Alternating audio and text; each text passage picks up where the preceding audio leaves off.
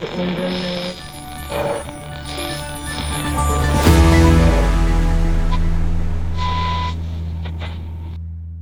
och välkomna till 6 minuter. En nyhetspodd i kortformat från tidningen Arbetaren där vi kort sammanfattar veckan som gått. Ni kan läsa oss på arbetaren.se och följ oss gärna på Facebook. Branden som ödelade Polarbröds fabrik i Älvsbyn är ett hårt slag mot hela kommunen. Omkring 700 personer beräknas att drabbas när produktionen nu, åtminstone tillfälligt, upphör. Företagsledningen har redan meddelat att de gör sig av med samtliga 58 vikarier och vad som händer med resten av de över 200 anställda är än så länge oklart. Förutom de anställda drabbas också en lång rad underentreprenörer som byggt sin verksamhet kring bageriet, som är Sveriges tredje största. På orten råder nu stor oro inför framtiden. Peter Lundberg är kommunikatör på Älvsbyns kommun.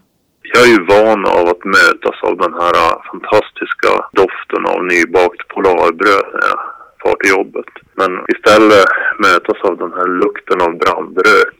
Ja, det, är, det är inte kul. Det sa alltså Peter Lundberg på Älvsbyns kommun. Polarbröd har sagt att de ska bygga upp fabriken igen men törs enligt ett uttalande från vd Anders Johansson inte lova att alla anställda blir kvar.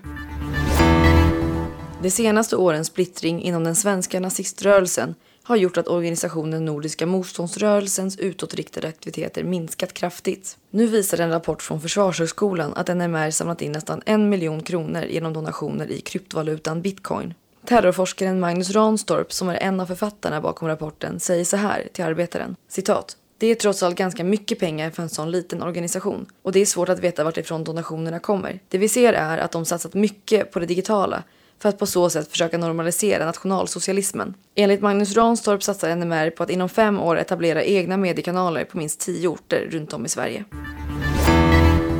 Antalet tim och behovsanställda ökar i Sverige. Hur ska man förstå framväxten av anställningsformen och hur påverkar den de anställdas liv? Det har Johan Alfonsson på Göteborgs universitet undersökt i den färska avhandlingen Alienation och arbete, unga behovsanställdas villkor i den flexibla kapitalismen. Han kopplar framväxten till en historisk rörelse mot en allt mer flexibel kapitalism och produktionsmodell det har skett genom massiva förändringar inom lagen om anställningsskydd, vilket har fört då Sverige från att vara liksom ett land som haft det bland det starkaste anställningsskyddet för tillfälligt anställda till att vara ett land som ligger bland de länderna i botten. Han menar att förändringen inleddes redan under 70-talets kriser, som i sin tur ledde till en strävan av ökad flexibilitet och fler tillfälliga arbeten. Den största och mest utsatta gruppen inom gruppen behovsanställda är de som hoppar runt mellan olika arbetsgivare och som konstant måste vara redo att svara på snabbt på ett sms när det dyker upp ett jobb. I upptakten till det amerikanska presidentvalet har landets fackförbund börjat ta ställning för presidentkandidaterna och i år har flera polisförbund valt att uttala sitt stöd för Donald Trump. Joseph A. McCartin, professor i arbetarhistoria på Georgetown University, menar att det här delvis beror på Black Lives Matter-protesterna och att Trump tagit ställning mot demonstranternas önskan att minska det ekonomiska stödet till polisen. Även om flera fackförbund ställt sig bakom Trump stöttar några av landets största förbund Joe Biden. Ett exempel på det är det amerikanska postfacket United Postal Workers Union. På deras hemsida skriver de att Donald Trumps politik hotar deras jobb, facket och rätten till en offentlig posttjänst. McCarthy menar att det här är det viktigaste valet facken stått inför sedan 1932. Anledningen är bland annat den ekonomiska kris landet befinner sig i och de viktiga politiska beslut som måste fattas framöver. Minst 122 personer har omkommit och över 1500 bostäder förstörts i de översvämningar som drabbat den afghanska staden Sharikar norr om Kabul. Många har skadats och sökandet efter överlevande pågår. Kraftiga regnoväder är vanliga i Afghanistan den här tiden på året. Den höga befolkningstätheten i staden kombinerat med att regnovädret skedde på natten när många låg och sov ligger bakom de höga dödstalen, skriver The New York Times. Nu kommer sista ordet från Anja Hellqvist.